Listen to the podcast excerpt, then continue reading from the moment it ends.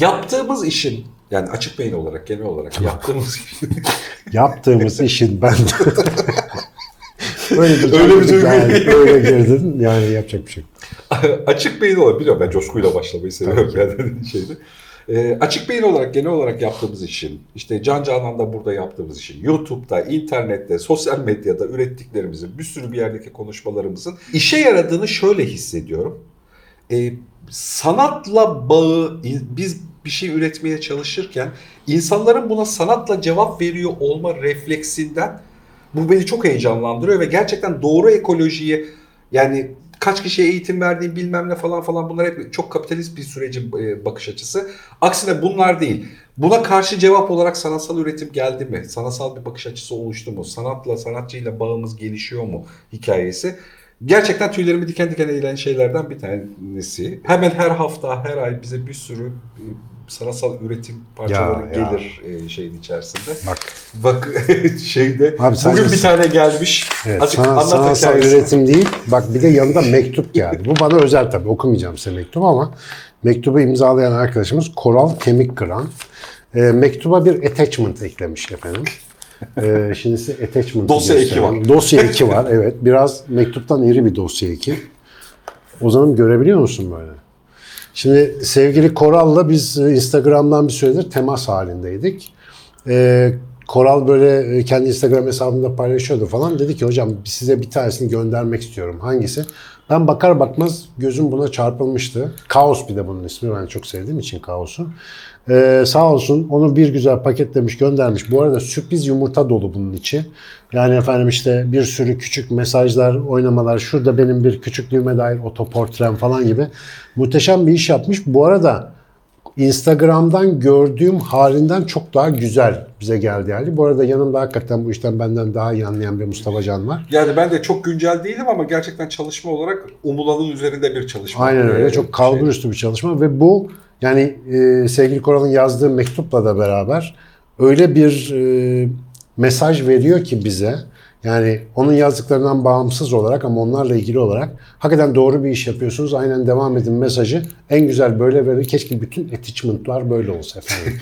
Attachment'a bak Allah'ını seversen. Bu Açık Beyin Ofisi'nin en güzel yerinde. e, bizim bütün neredeyse e, anlatmaya çalıştığımız şeylerin bir tuvale dökülmüş yansımalarından birisi olarak e, yer alacak. O yüzden sevgili Koral'a çok teşekkür ediyoruz. Bu arada Koral tek değil. Birçok sanatçı arkadaşım böyle enteresan enteresan en çok da benim portremi falan yapıp gönderiyorlar. Televizyonda duymuşlar işte resim yapmak iyi geliyor falan diye. Çok sağ olsunlar denemişler. O denekler içinde biz de harika şeyler görüyoruz.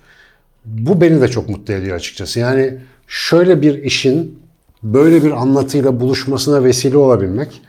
Hani bana CV'ne havada bir şey yaz deseler bundan daha havalı yazacak bir şeyim yok. Bu arada hazır bir şeyler geldi deyince bir tane daha bir şey göstermek istiyorum. Sevgili e-dostlarımdan uzun süredir e, kendisiyle uzaktan temasta ve me- mentionlaşmalarda bulunduğumuz, senelerdir tanıştığımız meslektaşım, bir biyolog olan sevgili Gülgün Türkoğlu Pagi'nin efendim iki tane kitabı da sağ olsun göndermiş imzalı olarak. Ee, efendim bugün kargo paketleri içinden çıktı. Çok çok mutlu oldum. İkisi de çok çarpıcı başlıklar ve içeriklere sahip. Bu uçurum kapanır mı? Birinci kitabı. Daha doğrusu bu yeni çıkanı. Kadın politika, sanat ve yaşam üzerine. Ve bir önceki kitabı da Üç Küs Kardeş. Felsefe, bilim ve din. Ee, Gülgün'ü özellikle Twitter kullanıcıları beni de takip ediyorlarsa biliyorlardır. Gülgün çok açık beyinli bir arkadaşımız. Gerçekten kafası çok enteresan çalışıyor, çok enteresan bakıyor hadiselere. Ve tabii ki ortak bazı dostlarımız nedeniyle de kafasının niye öyle çalıştığını anlayabiliyorum. Yakında Açık Beyin kanalında sizlere de konuk edeceğim inşallah. Sizler için konuk edeceğim sevgili Metin Bobaroğlu'yla da çok yoğun iletişimi olan bir arkadaşımız. Metin Bey'le konuşurken de zaten kendisinden muhtemelen bahsedeceğiz. Çok teşekkür ediyorum bu güzel kitaplar için. Ee, daha fazlası yazılmalı ama inşallah hep böyle güzel düzeyde yazılsın. Hep böyle bize bir şey katan e, dozlarda yazılsın. Gülgüncüm çok sağ ol. Koralcım kocaman öpüyorum. Artık Can Canan kapaklarında görüyorsunuz. Bizim illüstrasyonlarımızı hazırlayan Sezin Dravsa da. Bu arada Ya, felsefeciymiş. Ya aynen öyle. Ee, şeyin Ona da çok teşekkür İşlerini ediyoruz. görmek için linkini veriyoruz. Ee, şeyde bir YouTube'da altta açıklamalarda orada Aşağıda. da işlerini görebilirsiniz aşağıda. Evet. Bizi takip etmeyi unutmayın. Evet. Please press the follow button below diyerek de Beyin hikayesi. Ya işte her bölümde bu oluyor işte. Beyin anlatacağız diye darmadan Bu Allah'tan bir işaret. Beyin beyin mevzusuna gel devam toparlayayım. edelim. Ee, edelim aslında birkaç bölümdür açık beyin ameliyatı yapıyoruz. Aynen Hani e, Yalnız senin elinde de talamuslar çok güzel duruyor. bir, değişik hissi var. Şimdi bir şey demeyeyim. Gerçekten değişik tabii. Değişik. Talamusu ben alayım. Sıkıntı çıkmasın. Ee, hadi ilgi çekici bir başlıkla beraber başlayalım. Biraz belki bir iki bölüm sürebilir buradaki hikaye. Şeyi merak ediyorum. Acık oralarını mıncıklamak istiyorum. Beynin belli temel bölümlerinin işlevleri ve işleme biçimleri üzerinden bizim toplumsal anlamdaki yansımamız, hayatımıza nasıl yansıdığı, nasıl ayrıştığımız, nasıl insan olduğumuzla alakalı hadi biyolojiden yola çıkarak e, yürüdüğümüz bir yolda azıcık daha sorgulayalım e, adım adım. Uzarsa da biraz uzasın beyin ameliyatımız.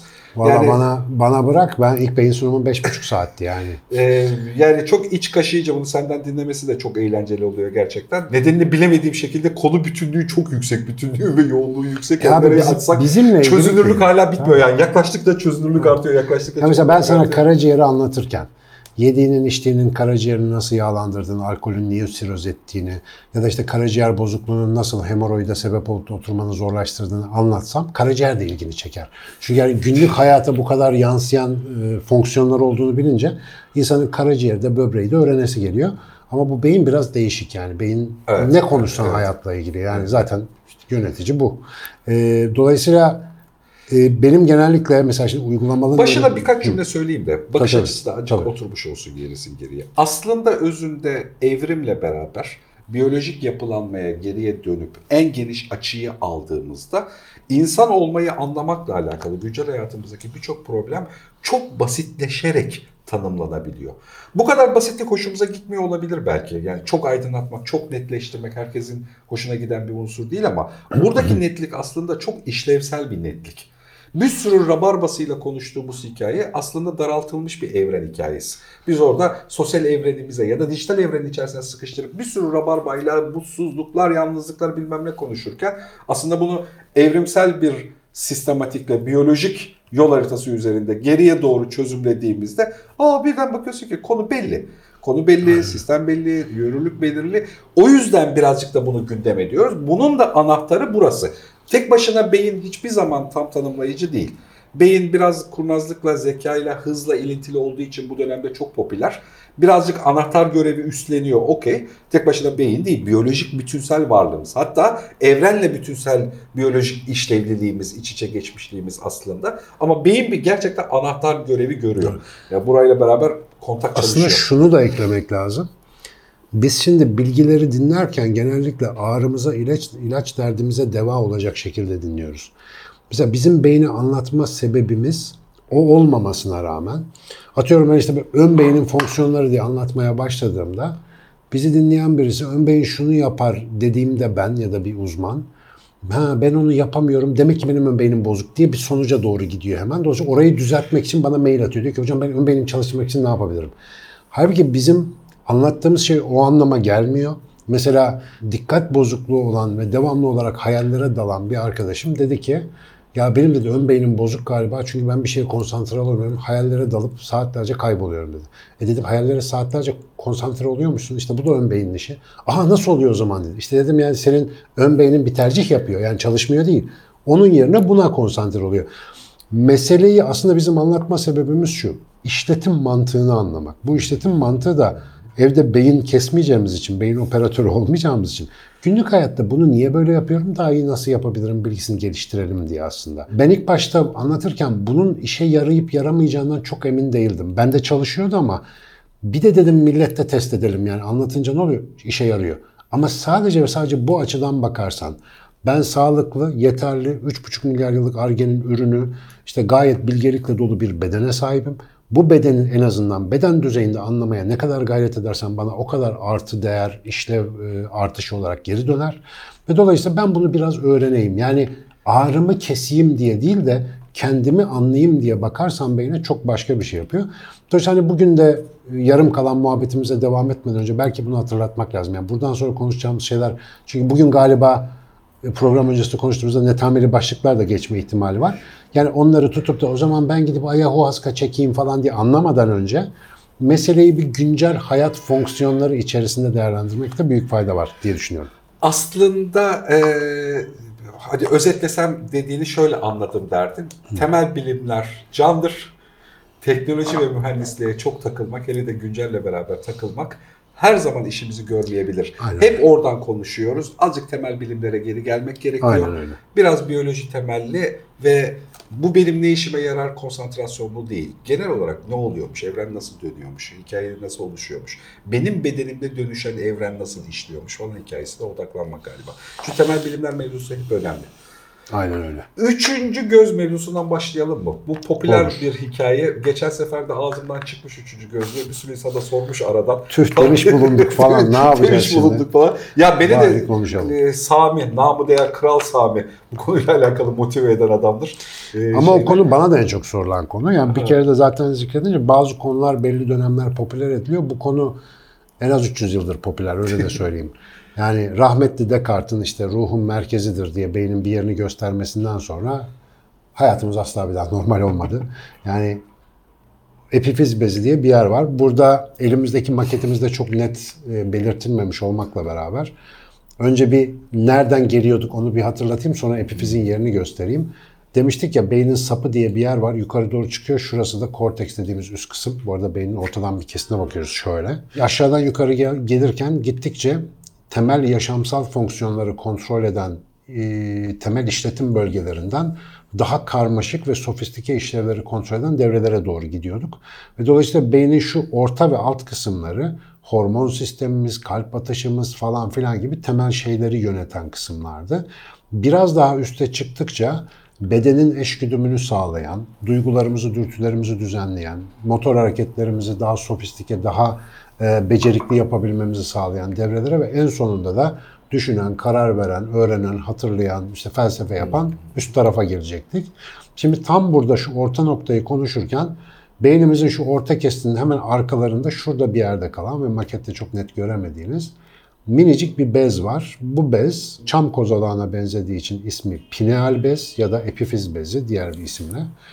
Bu epifiz bezi önce sonucu söyleyeyim. Bugün nöroanatomik yani beynin hangi bölgesi birbirine nasıl bağlıdır araştıran bilim alıdır, alandır nöroanatomi. O çalışmalarla baktığımızda görme sisteminin bir parçasıymış gibi gözüküyor. Şimdi bizim normalde Yani gö- gör- görmeyle görme, alakalı. göz görme. Şimdi gözlerimiz normalde şurada. Gözlerimizden gelen sinirler beynin içine giriyor. Şurada bir yerde bir çapraz yapıyor. Sonra şu işte şu parçadan göstereyim. Şöyle daha iyi göreceksiniz. Şunun altında bulunan şu talamus dediğimiz bölgenin içerisine uğruyor. Buradan geçtikten, burada süzüldükten sonra beynin arka tarafına gidiyor ve burada görme olayı gerçekleşiyor. Fakat bu uğradığı yerlerden bir tanesinde bir yan yol var. Görme sinirlerinin çapraz yaptığı yerin hemen altında olduğu için çapraz altı çekirdek deniyor ya.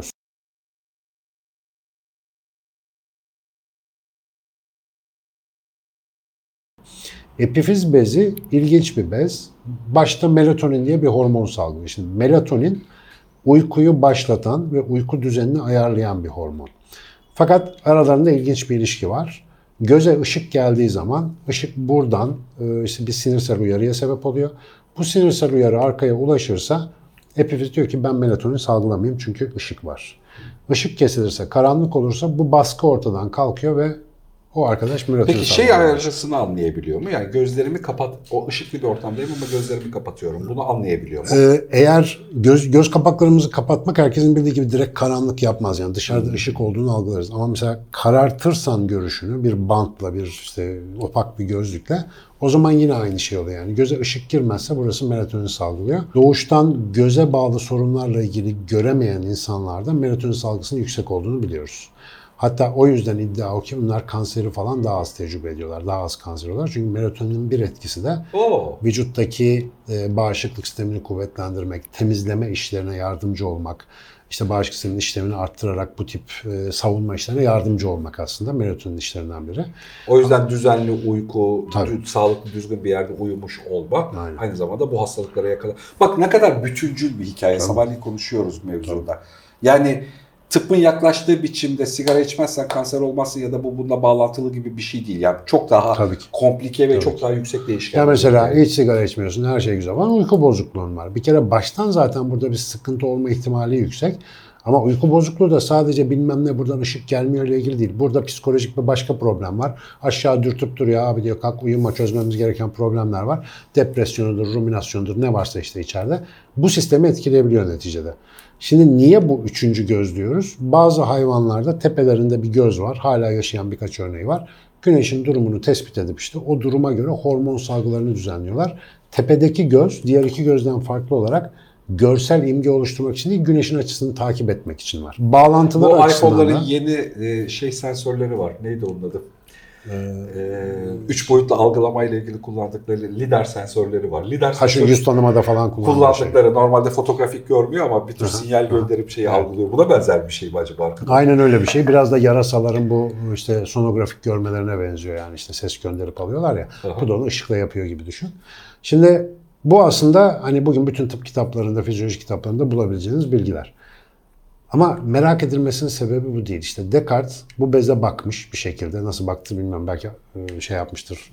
Otopsilerde falan bulunmuştur. Ya da kendi kesmiş de olabilir. Beynin arka tarafında ortada tek böyle küçücük bir parça halinde bulunan ve genellikle hafif kireçlenme gösteren, özellikle ileriki yaşlı insanlarda kireçli kireçli bir yapısı olan tuhaf bir yapı görüyor.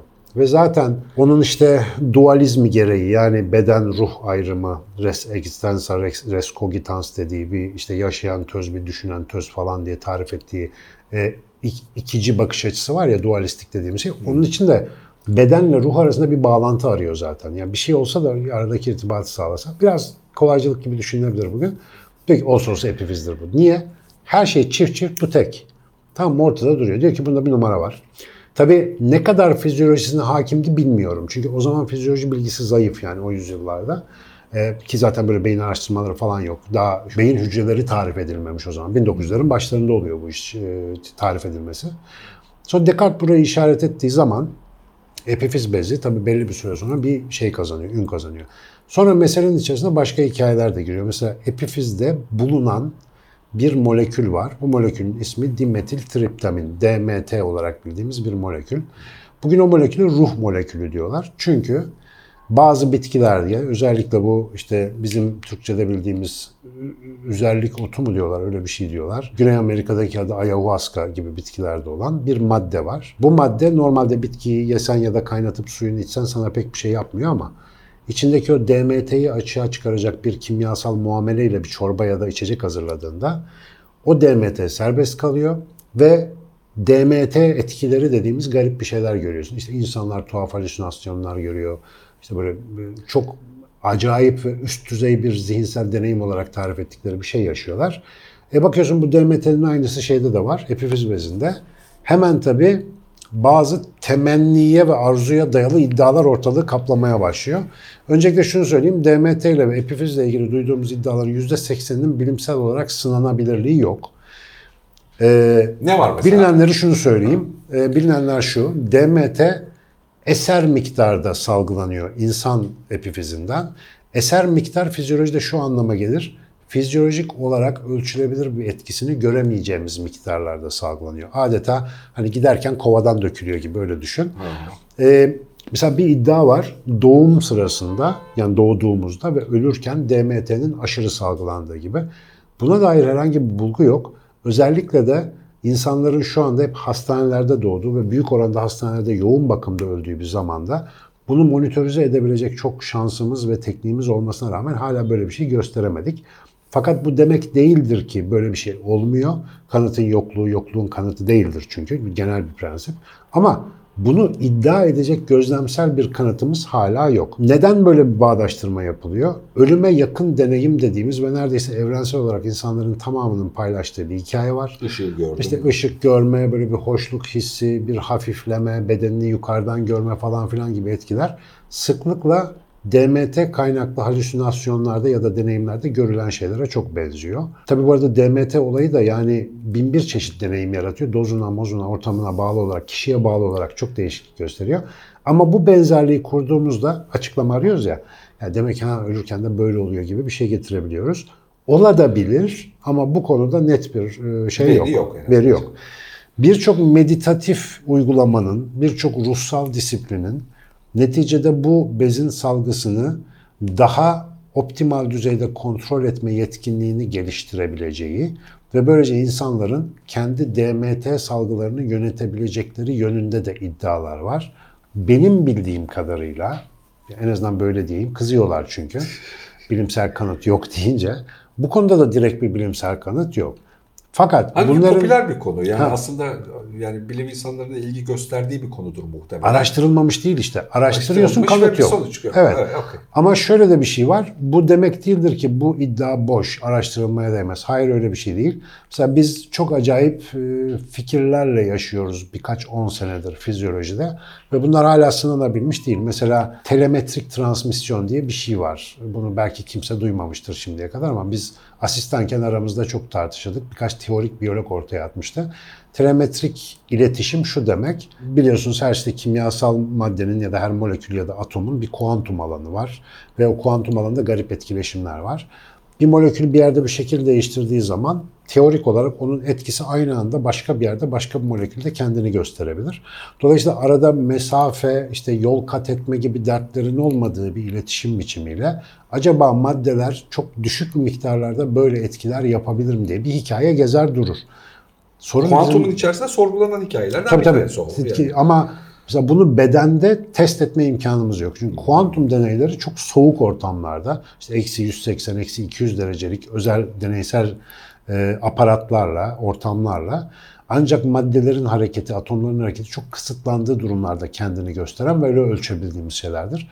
E, vücut 37 derece sıcak abi. Cehennem gibi yani kuantum olaylarına göre ve çok karışık içerisi. Yani karmaşık bir çorba. Orada bunu sınayamadığımız için de böyle bir şey var mı yok mu bilemiyoruz. Fakat yeni dünyanın cesur bilim insanları, bunu hemen aşağı ekleyeyim, bunları sınayacaklar yani bunları soracaklar.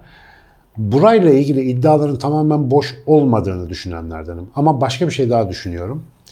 Bu kadar çok efsaneyi bilginin yerine koyarsak sonra her söylenti bizi yönetmeye, başlar. Yani bilgiyi ihmal etmemek lazım. Bilgisel olarak, yani bilimsel olarak bir şeyi bilmiyorsak biliyormuş gibi yapmayalım. En azından bilmiyorum diyebilelim ki öğrenebilme şansımız artsın. Aksi takdirde biz DMT'nin ölürken çok salındığına ve öbür tarafa gid- giderken bize yardımcı olacağına, Styx nehrini geçmemizde bizim en büyük bilmem olacağına inanırsak, daha sonra bunun aksi kanıtlandığında dünya görüşümüz üzerimize çökebilir. Onu yapmayalım. Ne Ya da salgılanırsa yeni bilgiyi kabullenmekle zorlanabiliriz. Aynen öyle. Değiştiremeyiz fikrimizi. Dolayısıyla bu epifiz bezinin üçüncü göz olma hikayesi aslında tamamen evrimsel ve nöroanatomik bağlantılarla desteklenir. Ama uzak doğu öğretilerinden bize geçen o üçüncü gözle hatta meşhur biz üniversitede okurken çok popülerdi. Tuesday Lobsang Rampa diye bir abinin yazdığı kitaplar gezerdi elden ele. Bu o zamanki işte bu e, nasıl derler? e, Kundalina'la bağlantılı. Ha işte New. New Age hikayeleri Ha, çok yaygındı. Orada mesela abinin gerçekten şurasına matkapla delik delip üçüncü göz falan açıyorlardı. Ben okumuştum o kitabı. Bizim Kral Sami de çok severdi. Hatta arada bir birbirimize kafede tısampa falan ikram etmeye kalkardık. Orada sürekli tısampa diye bir lapa yiyorlardı. Ne olduğunu da bilmiyoruz ama e, bize bir, bir porsiyon tısampa falan demişliğimiz var. Mesela o zaman gerçekten üçüncü gözü şurada falan zannediyorsun ama bizde böyle bir şey yok bildiğimiz kadarıyla orada. Bunların hepsi sembolik hikayeler olarak anlamlı ve ilginç olabilir ama bilimsel anlamda sınanabilirliğinin çok fazla olmadığını söyleyeyim. Ee, hikayelerin kendi içinde e, yani kültürel evrimin bir parçası olarak hikayeler de tuhaf bir şekilde evrimleşiyor ya. Yani önce aslında şu taraftan bakmak lazım. Canlıların bir bölümünde evrimleşirken aslında iki değil üç göz oluşuyor. Doğru mu? Doğru, evet. Yani bu çünkü bir kertenkele örneğini görmüştüm. Şu anda da yaşayan bir canlı Evet. yanılmıyorsam. Şey- Şurasında bir yerde. O, Octodon degustu galiba ismi tam. Ha yani şurasında bir yerde ama bu görme gözü değil. Yani Evet. yani imajları ayırt etmiyor fakat dediğin gibi yani güneşi bir de galiba yeryüzü gökyüzü o denge yani Tabii, o, o şey hareketini tahmin edebildiği, dengeleyebildiği bir şey var.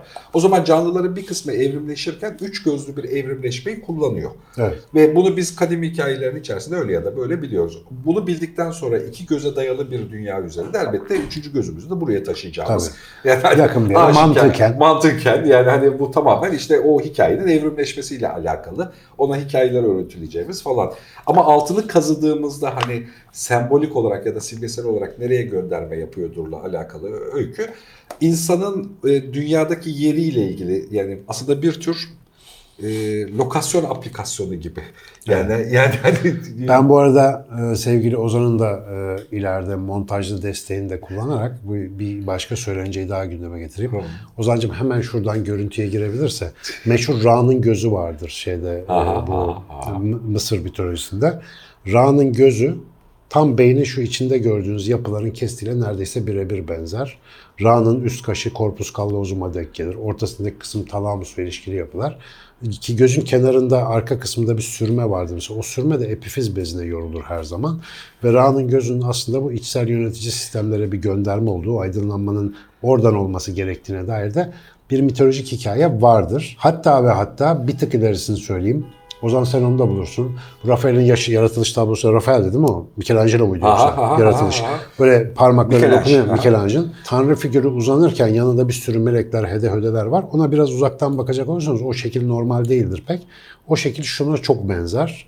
Yani Tanrı buradadır ve elini frontalden uzatarak Adem'e dokunmaktadır. Tabii bunu diğer hemisferden göstermek lazım. Yani resim şu tarafa doğru bakıyor çünkü. Hatta meleklerin e, et- etrafındaki örtüleri Evet. şu beyin sapına benzer. bir onunla ilgili örtü birisi çalıştı falan. gerçekten yani. Tabii tabii. Yani mesela Michelangelo böyle bir şeyi düşünmüş müdür, düşünmemiş midir bilemeyiz ama benzerlik tesadüf olmanın ötesinde gibi gözüküyor. Çünkü çok zorlanmış belli ki yani o o örtü öyle yuvarlak kortekse benzesin falan diye tepesinde yani şu kısım. Dolayısıyla yani beyin meselesi bizim yüzyıllık merakımız değil. O belli. Bayağı bir bu arada beyinle ilgili ilk beyin yazan kelime meşhur bir hieroglif seti var Mısır'da bulunmuş. İşte 4500 yıl önce galiba. İlk defa orada geçiyor. Yani hieroglifle bayağı beyin yazıyorlar. İşte kuş, işte tıpa bilmem bir şeyler çizmişler. ee, Principles of Neuroscience kitabının başında o papyrus'un şeyi vardır. O papyruslar da meşhur. Yani ilk bulunan tam papyruslar mı ne öyle bir özelliği var. Orada da beyin lafı geçiyor mesela. Ama garip bir şekilde Mısırlılar mumyalarken önce beyni çıkarıp atıyorlarmış. Enteresan. Ya bu öbür tarafta işe yaramaz falan diye. ee, mumya da herhalde çok, bozuyor. çok sulu ya. Tabii tabii. Vıcık vıcık oluyor iki dakikada. Mumyalayamıyorsun. Peki bununla alakalı hani son komplo teorisi vardır üçüncü gözle ilgili. Bu e, diş fırçası, diş macunu, Florit. Florit, ha. Evet. Floritle alakalı bir mevzu vardır. Bir- Flor kimyasal olarak buradaki hormonların melatonin, serotonin, e, işte DMT gibi maddelerin üretiminde işe karışıyor gerçekten ve burası metabolik olarak flor kullanıyor. Fakat bu florit meselesinin de bilimsel bir desteği yok. Toksik düzeyde florit almak zaten bir sürü şeye zararlı olur. Çünkü adı üstünde toksik, zehirleyici düzeyde. Ama bizim içme sularından aldığımız işte diş macunun içinde bulunan diş minesini korusun diye konulan floridin burada biriktiği, kireçlenme yaptığı Tekrar söylüyorum şu anki bilgilerimiz itibariyle asılsız iddialar. Çünkü bu bölge metabolizması itibariyle kalsiyum iyonlarını ve flor iyonlarını çöktürdüğü için, içinde biriktirdiği için doğal olarak belli bir yaştan sonra zaten kireçleniyor.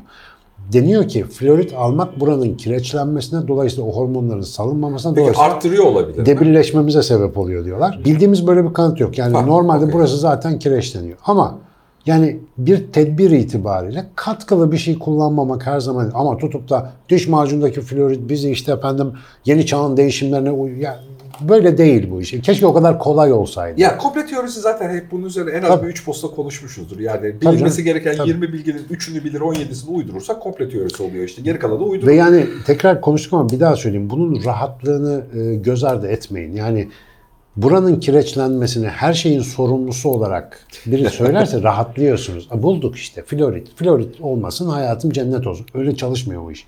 Yani florite kadar neler var. E, onları da bir sonraki kitabımızda bahsediyor olacağız.